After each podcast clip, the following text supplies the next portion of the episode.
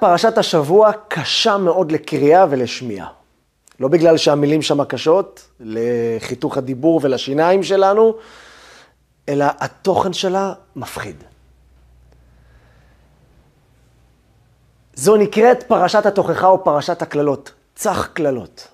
98 קללות נוראיות. ואנחנו שואלים את עצמנו, תגיד לי, זה אמיתי? אם האויב שלי יגיד לי כאלה קללות, אני אגיד, שמע, וואלה, הורדת קללה אמיתית. אתה יודע להוריד קללות. אבל שאבא שלי יגיד לי את זה?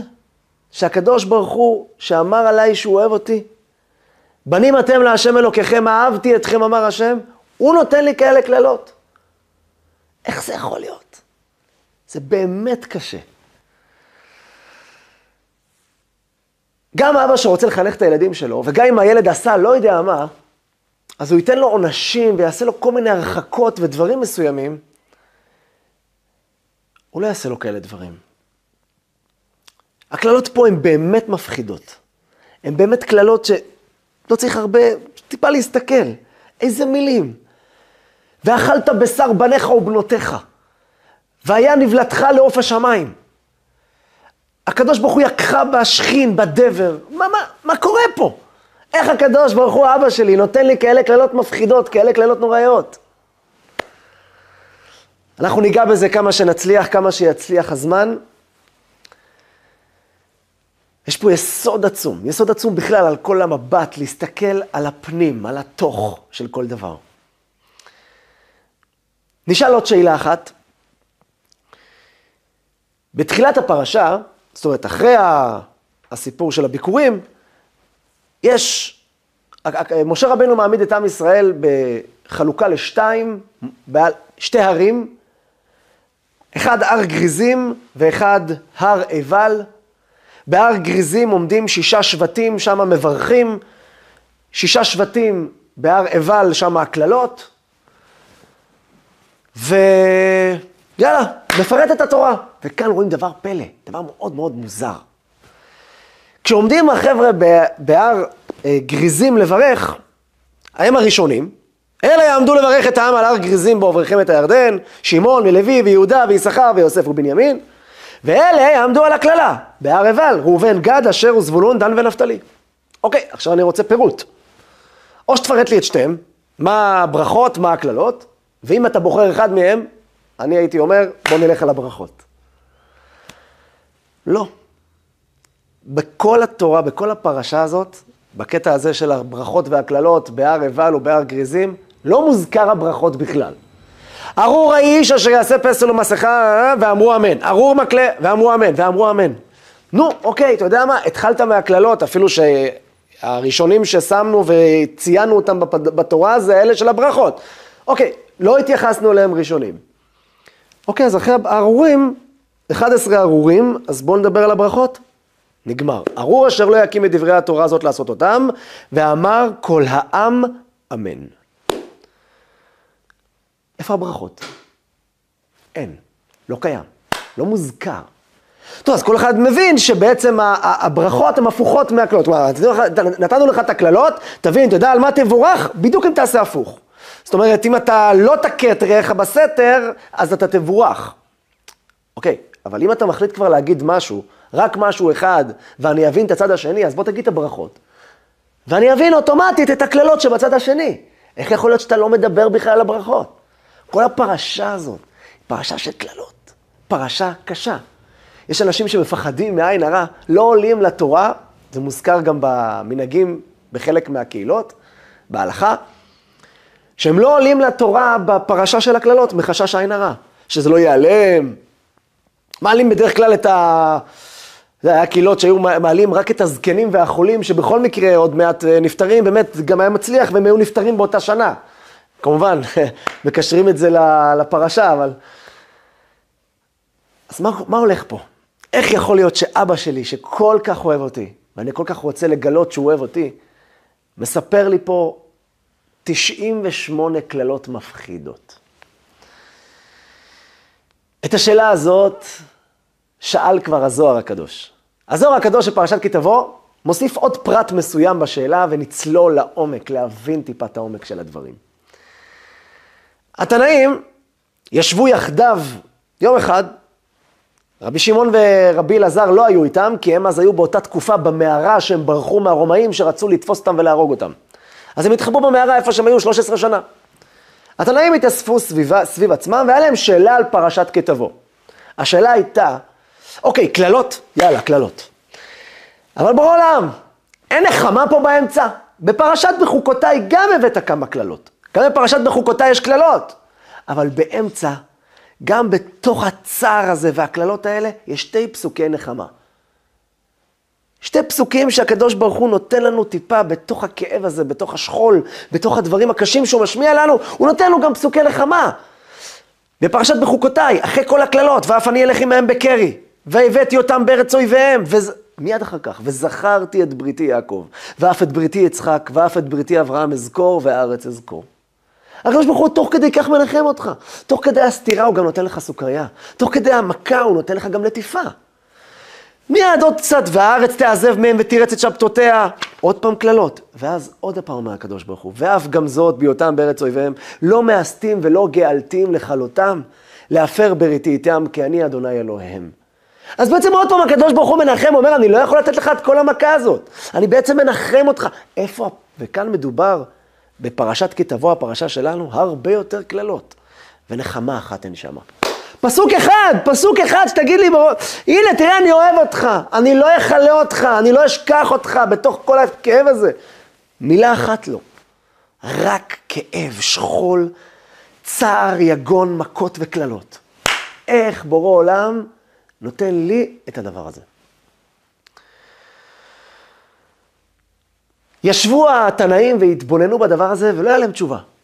והתחילו כולם להגיד, איזה חבל שרשב"י לא נמצא פה. איזה חבל, אם רשב"י היה פה, בטח היה לו איזה משהו להגיד לנו, משהו לנחם אותנו, להסביר לנו דברים עמוקים. בטח יש פה דברים מכבשונו של עולם, דברים סודיים. רבי עקיבא היה המביא של תורת הסוד, המפרש של תורת הסוד, המגלה את תורת הסוד. הוא בטח היה מספר לנו קצת מה קורה פה מאחורי הקלעים. למחרת רבי יוסי הלך, והוא רואה להקה של עופות, מספר הזוהר, והוא רואה ביניהם יונה, הוא קורא ליונה. התנא הקדוש רבי יוסי, היה לו שליטה. קורא ליונה, היונה מגיעה אליו, הוא אומר לה, יונה, יונה, את נאמנה על השליחויות. כבר בתקופת נוח, נוח שמח עלייך, לא על העורב, שעשה את השליחות שלו, לא משהו. שמח עלייך, על השליחות, עם ישראל נמשל ליונה. עינייך יונים, אחותי, רעייתי, יונתי, תמתי. הקדוש ברוך הוא ממשיל אותנו ליונה. אז בבקשה ממך, אני חייב שליחות. השאלה הזאת היא מדגדגת לי, היא מפריעה לי. אני צריך להטיל עלייך שליחות. אין לי מושג איפה רשב"י נמצא, כי זה היה הרי סודי, כדי שהרומאים לא יתפסו. הוא כתב את השאלה הזאת על פתק, הצמיד לה למקור, או לרגל, קשר, ושלח את היונה. היונה נאמנה, עשתה את שליחותה, נחתה בפתח המערה. רשב"י נמצא במערה, הוא רואה יונה נוחתת לו. אומר, מה היונה עושה פה פתאום? מה, איך הגיעה פה יונה פה? אני נמצא פה באיזה מקום נידח, מה יש לה פה אוכל? מאיפה יש לה, למה היא נמצאת פה בכלל? ואז הוא רואה שהיא משילה את המכתב, היא מפילה אותו לפניו. הוא מבין שיש לו פה איזשהו מכתב, הוא פותח את המכתב והוא קורא את השאלה של התנאים. איך יכול להיות כאלה קללות בלי נחמה, בלי כלום? איך? רשב"י קורא את המכתב ומתפלץ ליבו בקרבו, גם הוא אין לו את התשובה לזה. רשב"י בוכה, מרים את העיניים ובוכה ואומר, מי יכול לענות על כזאת שאלה? מי? זו שאלה שעומדת באמת בכבשנו של עולם. ורשב"י, הדמעות שלו עשו רעש למעלה, והקדוש ברוך הוא שלח את אליהו הנביא, אליהו הנביא היה רגיל ללמוד עם רשב"י ורבי אלעזר שמה במערה, אבל היה לו זמנים מסוימים. ואליהו הנביא קפץ לביקור, איך שאומרים, לא בזמן הרגיל. מגיע אליהו הנביא לרשב"י ואומר לו, תראה, מה ש... השאלה שיש לך, שלחו אותי מהשמיים, ראו את הדמעות שלך, שלחו אותי להסביר לך פה את המהלך.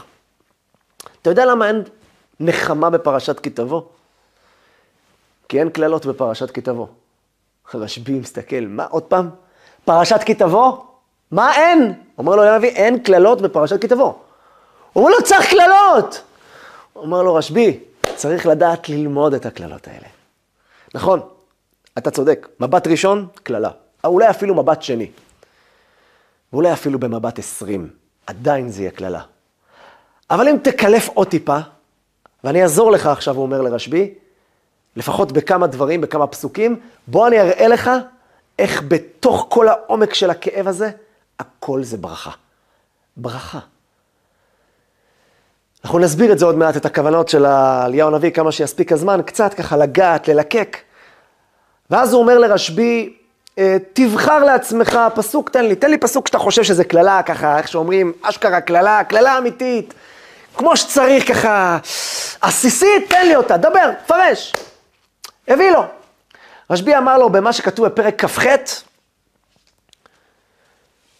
פרק כ"ח, פסוק אה, ס"א. בחר לו פסוק, גם כל חולי וכל מכה אשר לא כתוב בספר התורה הזאת, יעלם אדוני עליך עד ישמדך. זאת אומרת, אחרי כל הקללות האלה, אתה יודע, זה נראה כאילו הקדוש ברוך הוא אמר, תשמע, תראה, לא יודע, אולי פספסתי פה איזה קללה שלא לא זה, אז גם כל חולי וכל מכה אשר לא כתוב בספר התורה הזה, יעלם אדוני עליך עד ישמדך. זאת כאילו, כאילו, אם, אם פספסתי פה משהו, אז הנה הקללה ככה, בוא, מה שלא כתוב, גם זה יהיה עליך. בחר רשב"י את הפסוק הזה. אמר לו, בבקשה, תסביר לי את זה. אמר לו אליהו הנביא, בוא נקרא יחד. גם כל חולי וכל מכה אשר לא כתוב בספר התורה הזאת, יעלם השם עליך. מה זה יעלם? מה זה יעלם? אתה יודע מה זה יעלם, אומר אליהו הנביא? בפנימי. בצורה החיצונית יעלם, הכוונה יביא אליך, יוריד עליך, יעלה אותך, יעלה עליך את הקללות האלה. בכוונה הפנימית, אומר לו הנביא, הכוונה יעלים, יעיף ממך את המכות האלה. יעלם השם עליך. הוא יעלים את זה ממך. זה לא יהיה עליך. טוב, יואל הנביא אומר לו, תן לי עוד איזה משהו שככה אתה חושב ככה פסוק אה, ככה אשכרה קללה. אומר לו, טוב הנה יש בהמשך, באותו פרק, פרק כ"ח, פסוק ס"ח. והשיבך אדוני מצרים באוניות בדרך אשר אמרתי לך לא תוסיף עוד לראותה. והתמכרתם שם לאויביך לעבדים ולשפחות ואין קונה. אתה תחזור למצרים באוניות, עם כל הצער, כל מה שהיה במצרים לכאורה, אתה קורא את זה. יחזירו אותך, אשר אמרת, אמרתי לך לא תוסיף עוד. זהו, נגמר הצרה שמה. אתה תחזור למצרים, והתמכרתם שם לאויביך לעבדים ולשפחות, ואין קונה, אפילו עבד ושפחה לא ירצו אותך. אתה כל כך אפס, אף אחד לא מסתכל עליך. כן, תסביר לי בבקשה מה הברכה פה. כן, תן לי, מה הברכה פה בפסוק הזה? אמר לו הנביא, בוא נקרא ביחד. ושבחה השם מצרים באוניות, בדרך אשר אמרתי לך, לא תוסיף עוד לראותה. אתה זוכר מה היה במצרים, נכון רשב"י? איזה ניסים גלויים היה. איך הקדוש ברוך הוא פירק את המצרים. איך הוא הטביע את כולם בים סוף. אומר לו, דע לך, שאותם ניסים יהיה גם לעתיד לבוא. הקדוש ברוך הוא ישיב את כל מה שקרה במצרים, וישיבך השם מצרים. את כל הניסים, לא את הגלות, את כל המסרים. באוניות, דע לך, יבואו כל האומות, כולם להילחם על עם ישראל באוניות, והקדוש ברוך הוא יטביע אותם. יטביע אותם כמו בים סוף. יטביע את כל אלה הקמים עלינו לכלותנו, כאן בארץ ישראל, ובכל מקום. והתמכרתם שם לאויביך. אמר לו הנביא, שמת לב, לא כתוב כאן ונמכרתם? מה זה והתמכרתם? מה זה התמכר לסמים? מה זה והתמכרתם? ונמכרתם שם לאויביך, לעבדים. והתמכרתם, אתם תחשבו שמוכרים אתכם. ואין קונה, האמת, סתם דמיון, אין קונה, אף אחד, לגוי אין שליטה על יהודי. אף גוי לא יוכל לשלוט עליכם, אף גוי לא יוכל לקנות אתכם באמת, להיות עבדים שלהם. אף יהודייה לא יכולה להיות שפחה של גויה, במהות שלה הפנימית. כי תמיד יש לה את הניצוץ הבוער. לא משנה איפה היא תהיה, לא משנה איפה הוא יהיה. תמיד משהו פורץ מבפנים. הוא בן חורין במהות שלו. אז והתמכרתם שם לאויביך לעבדים ולשפחות, ואין קונה. אז אומר לו, אתה יודע למה בפרשת כי תבוא אומר ליהו הנביא לרשב"י, למה אין שם נחמה? כי אין קללות. נחמה עושים על קללות. בפרשת בחוקותיי, זה באמת, אומר לו, אומר לו אליהו הנביא, זה נקרא דין הקשיא. שם באמת קצת, יש שם קצת עניינים בלתי רצויים. שם הקדוש ברוך הוא נותן נחמה ועוטף את הכל ביופי ואהבה. כאן בפרשת כי תבוא אין את מה לעטוף, כי אין קללות, הכל הם רק חתיכה אחת של ברכות. נצלול טיפה, ננסה להבין איפה, מה, מה... אוקיי, הסברנו כמה פסוקים. בואי ננסה טיפה לצלול עוד טיפ-טיפה. הגמרא מספרת במסכת מועד קטן. גמרא, תלמוד, תלמוד בבלי. מסכת, יש מסכת קצרה יחסית, מועד קטן, בדף ט' עמוד ב'. מספרת הגמרא, בדיוק על רשב"י הזה שדוברנו עליו. ישבו אצלו שתיים. היו אצלו רבי יונתן בן אמסיה, אסמיה, ויהודה בן גרים. היו אצלו. נפרדו ממנו לשלום. בקיצור, מתארים שם איזשהו תהליך, ואז רשב"י אומר לבן שלו, רבי אלעזר, אומר לו, תשמע, שתי החבר'ה האלה שהיו פה, הם אנשים צדיקים, תלמידי חכמים, לך אליהם, תבקש ברכה. דע לך, הם אנשים מאוד, הברכות שלהם שוות. רוץ, רוץ, רוץ, מתוק שלי, נשמה שלי, לך אליהם, צדיק, לך תקבל ברכה. הוא רץ שמה לקבל את הברכה, והוא אומר להם, שואלים אותו, מה, כן, יקירי, אלעזר, מה אתה עושה פה? מה, למה הגעת? הוא אומר, אבא שלי אמר לקחת ממכם ברכה. אבא שלי, אבא שלך אמר, אה, בבקשה, בוא נברך אותך.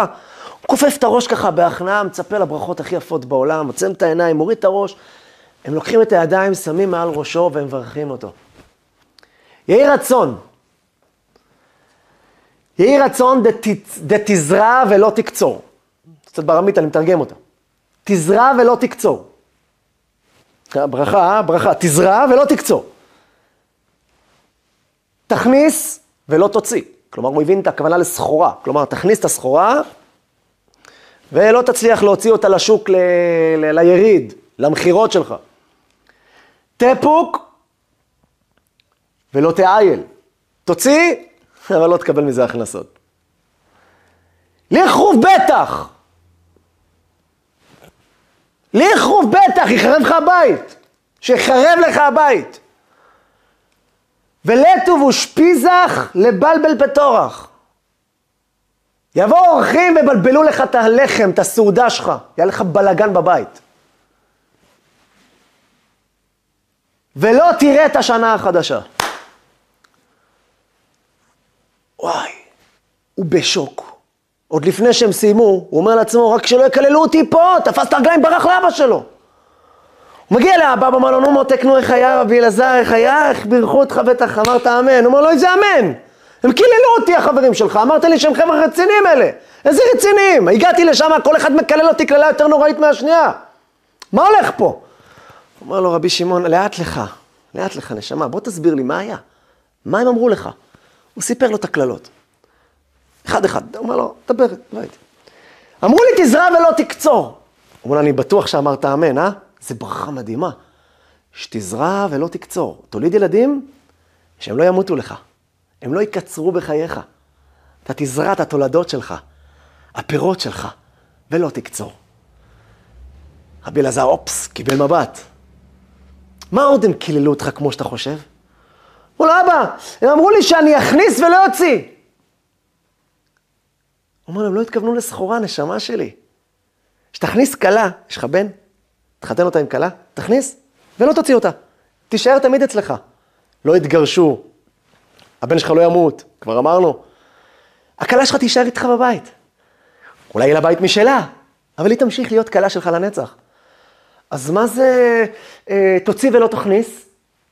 הבת שלך, שתצא מתי שהיא תתחתן, ולא תחזור אליך כי בעלה מת או כי מישהו יתגרש.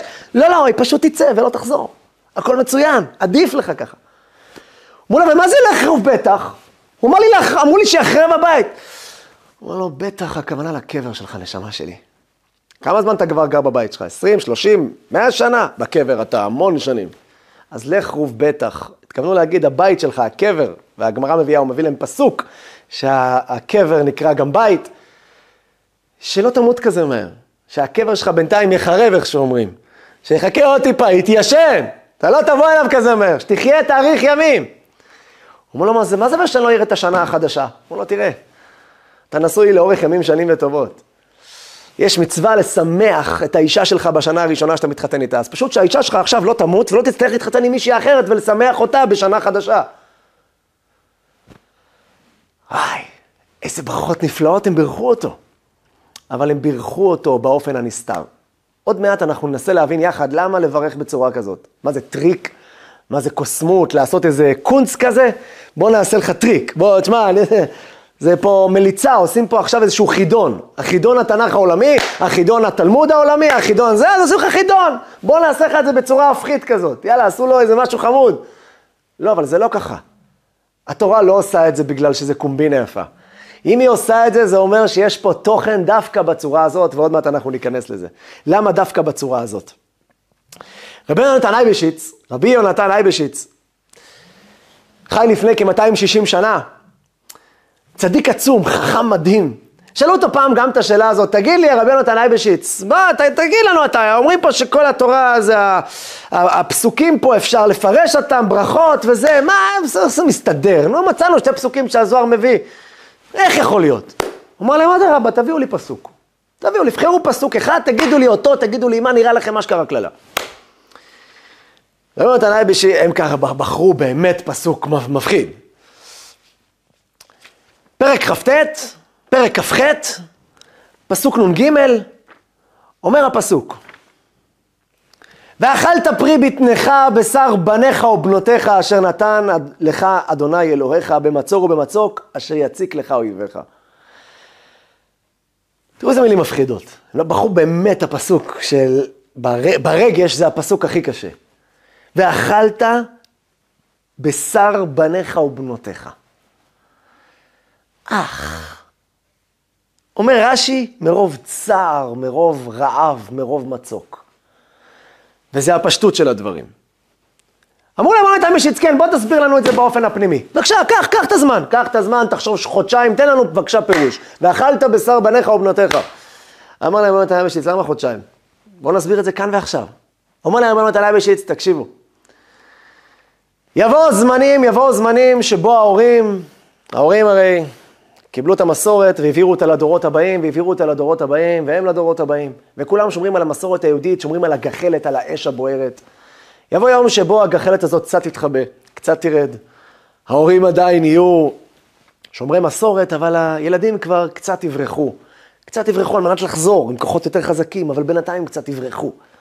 בזמן הזה ההורים ששומרים על כשרות לא יוכלו לאכול אצל ילדים שלהם. בגלל שהאוכל לא יהיה מספיק כשר. לא יהיה מספיק, אי אפשר לאכול. אבל, אומרת התורה, דע לך לעתיד לבוא, יבוא עוד זמן. יבואו ימים, הנה ימים באים, נאום השם. לא רעב ללחם ולא צמא למים, כי אם לשמוע את דבר השם.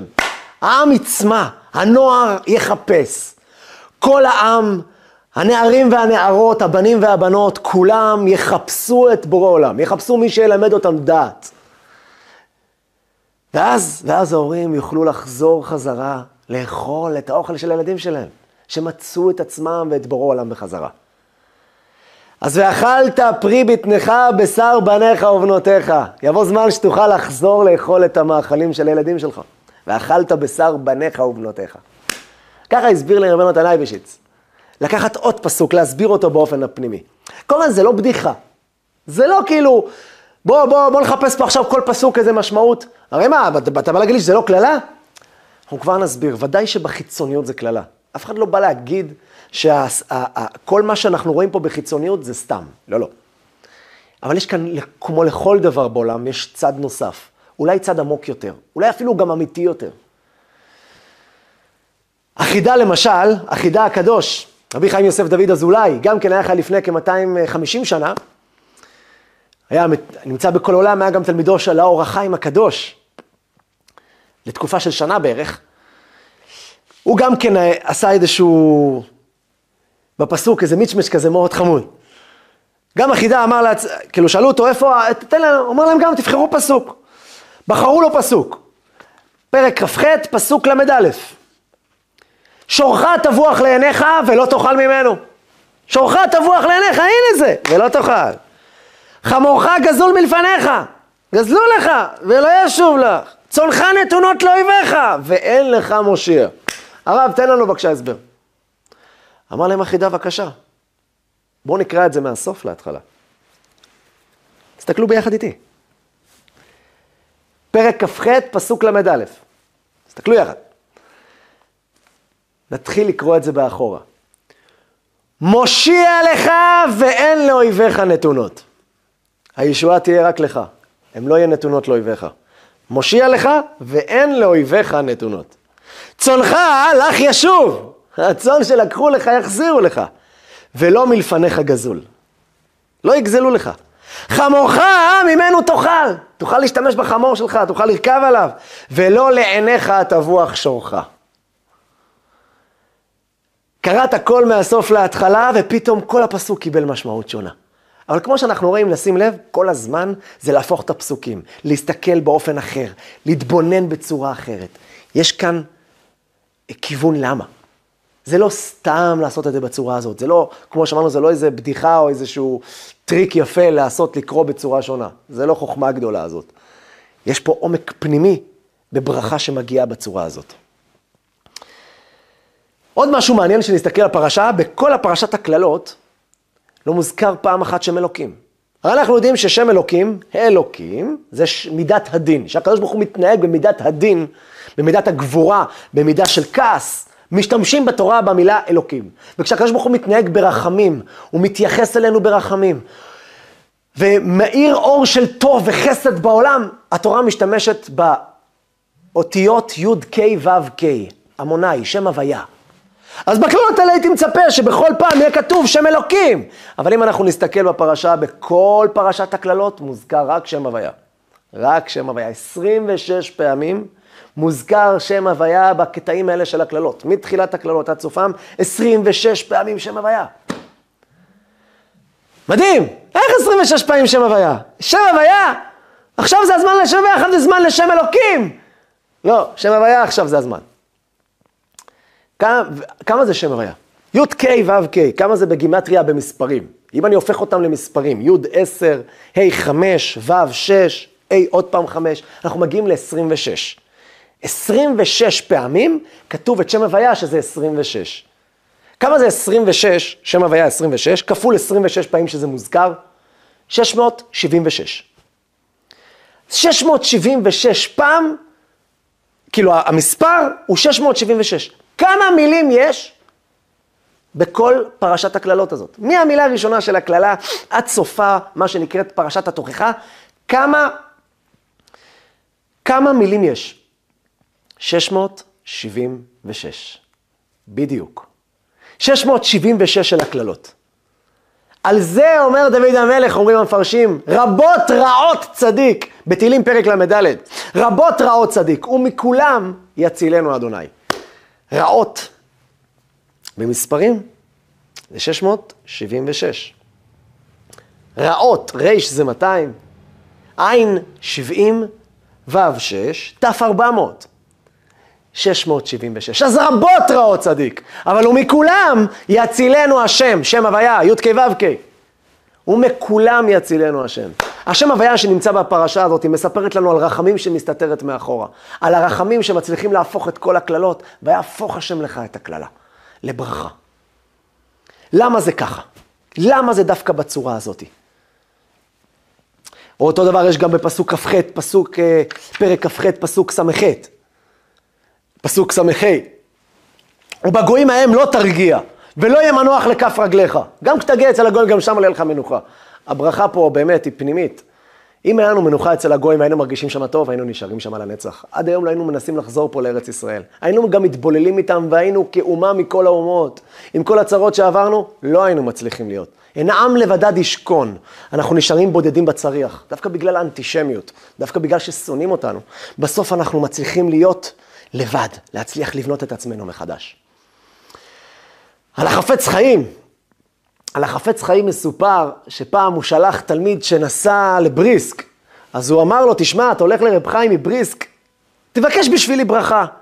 התלמיד נסע לרב חיים מבריסק, הוא היה שם בסביבה, הוא נכנס לרב חיים מבריסק, אמר לו, תשמע, אני תלמיד בישיבת רדין של החפץ חיים, החפץ חיים בא למשנה ברורה. הוא אמר לו, אני תלמיד, הרב ביקש, אני אכנס לקבל ברכה. אמר לו, וואו, אתה תלמיד של החפץ חיים? תגיד לרב שלך שאני מברך אותו, שהוא יהיה בלי נעליים, ילך יחף, ויהיה לו אבנים בלב. התלמיד הזדעזע, נרעש, לא היה נעים לו. ברח! הלך משם, חזר לרדין, לא רצה לפגוש את החפץ חיים, שלא ישאל אותו מה הרב אמר. אבל אה, עובר יום, עובר יומיים, איך אומרים, אי אפשר יותר מדי להתחבות, החפץ חיים תופס אותו. הוא אומר לו, מה נשמע יקירי? הוא אומר לו, ברוך השם, משפיל את העיניים. הוא אומר לו, תגיד לי, היית בבריסק? הוא אומר לו, כן, הייתי. נו, נו, נכנסת לרב חיים מבריסק? הוא אומר לו, כן. נו, מה רב חיים מבריסק אמר? הוא לו, הרב, אני מעדיף לא להגיד. הוא למה אתה מעדיף לא להגיד? נשמה, מה קרה? הוא לו, הרב, בבקשה, מחילה, אני מעדיף לא לדבר. הוא קילל את הרב. הוא קילל אותי. אוי, לא נראה לי, חס ושלום. למה, מה אמר? הרב, אני מעדיף לא לחזור על מה שהוא אמר. הוא אומר לו, תגיד, תגיד מה אמר. הוא אומר, הוא אומר שהרב יהיה יחף, יהיה בלי נעליים, ויהיה לו אבנים בלב. נשק אותו ואמר לו, תלמידי, יקירי, חביבי, זה הברכה הכי מתוקה שיכלתי לקבל. הכהנים הולכים יחפים בבית המקדש. ואני כהן, אומר לו חפץ חיים. רבי ישראל מאיר הכהן, אני כהן.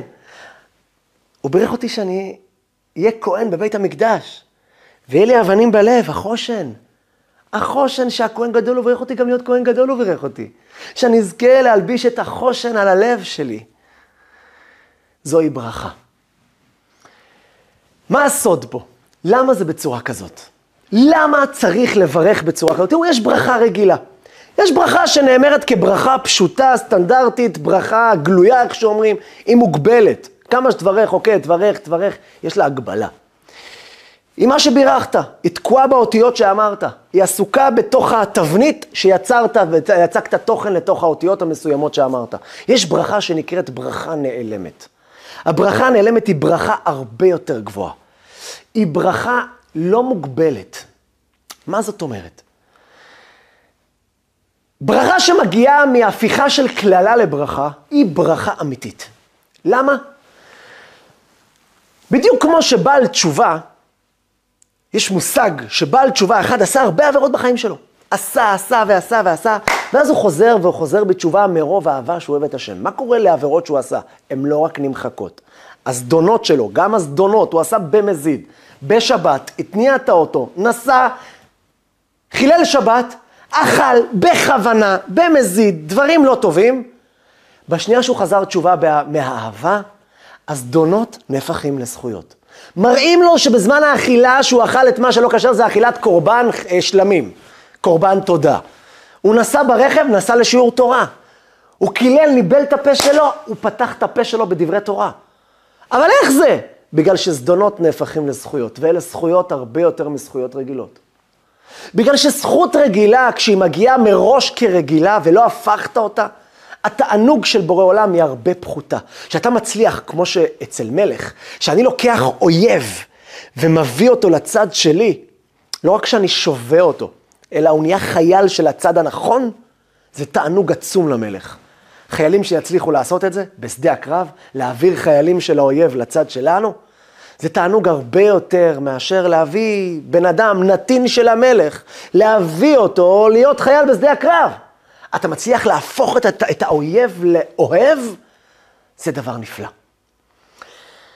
ולכן, במקום שבעלי תשובה עומדים, גם צדיקים גמורים לא יכולים לעמוד. זה אחד הסיבות. למה המקום שבעלי תשובה, מה השם הצדיק שאף פעם לא חטא? הוא לא השם, אתה צודק, אבל הזכויות שלו הן מסוג אחד. הן מאוד יפות, הן מאוד מצוינות. אבל אם אני לוקח רב, אני מצליח להפוך אותו, זה עולם אחר, זה טהרה אחרת, זה כיף אחר. כמו שהבעל שם טוב אומר, אומר הבעל שם טוב הקדוש, כי יתרון האור מן החושך. הפשטות, האור יותר טוב מהחושך, בראבו. לא אומר הבעל שם טוב, כי יתרון האור, אתה יודע מתי יש יתרון לאור? מתי אתה קולט את העוצמה שלו? מן החושך. כשהוא מגיע מתוך חושך, הוא מגיע מתוך אפלה, ואתה מצליח להפוך את כל החושך הזה לחתיכת אור יפה, מתוקה, זה אור אחר, זה מתוק. כמו מתוק ממר. מתוק ממתוק, נו, לקחת מר והפכת אותו למתוק, הגעת לפואנטה. וזה בדיוק היה הסיפור של בלעם. למה הברכות הכי יפות שקיבלנו? הברכות הכי יפות שכתובות בתורה, זה בפרשת בלעם. מי אמר אותם? השונא הכי גדול שלנו. אתם יודעים למה? כי זה ברכות שנאמרו בכוונה של קללות. הוא בא לקלל בכלל בלעם. ויהפוך השם אלוקיך את הקללה לברכה, כי אהבך השם אלוקיך. כשהקדוש ברוך הוא הפך את הקללה לברכה, מתגלה אהבה. כי אהבך, ההפיכה מגלה על תוקף אהבה עצומה. זה בדיוק הפואנטה פה. בעצם הראינו פה כמה וכמה דוגמאות של פסוקים שבעצם התוכן שלהם הוא ברכה פנימית. אבל למה היא נאמרה באופן של קללה? כדי שאתה תהפוך אותה. אנחנו צריכים להפוך את הקללות שלנו לברכות. איך אנחנו עושים את זה? כי בעצם כשאנחנו מגיעים לברכה דרך משהו שנראה לנו לא טוב, אנחנו מגלים את הטוב שבפנים, אנחנו מקבלים את הברכה האמיתית, הוא כמו בדיוק יהלום שאני רוצה שלא ישדדו לי אותו, ודווקא אם זה יהלום הכי מפואר, אני אשים את זה בשק של סמרטוטים. זה הדרך, כי אתה בעצם מגיע לתוכן שלך, לפנים, ליופי, כשאתה מצליח להפוך דברים לצד הנכון. לכן זו הסיבה שבפרשה שלנו לא מוזכר הברכות, מוזכר רק הארורים, כמו ששאלנו בהתחלה. בגלל שהארורים האלו בעצם הם התוכן הפנימי של הברכה. אתה חושב שזה ארור. דע לך שבפנים מחכה לך ברכה מתוקה. היה סיפור מפורסם, סיפור מתוק.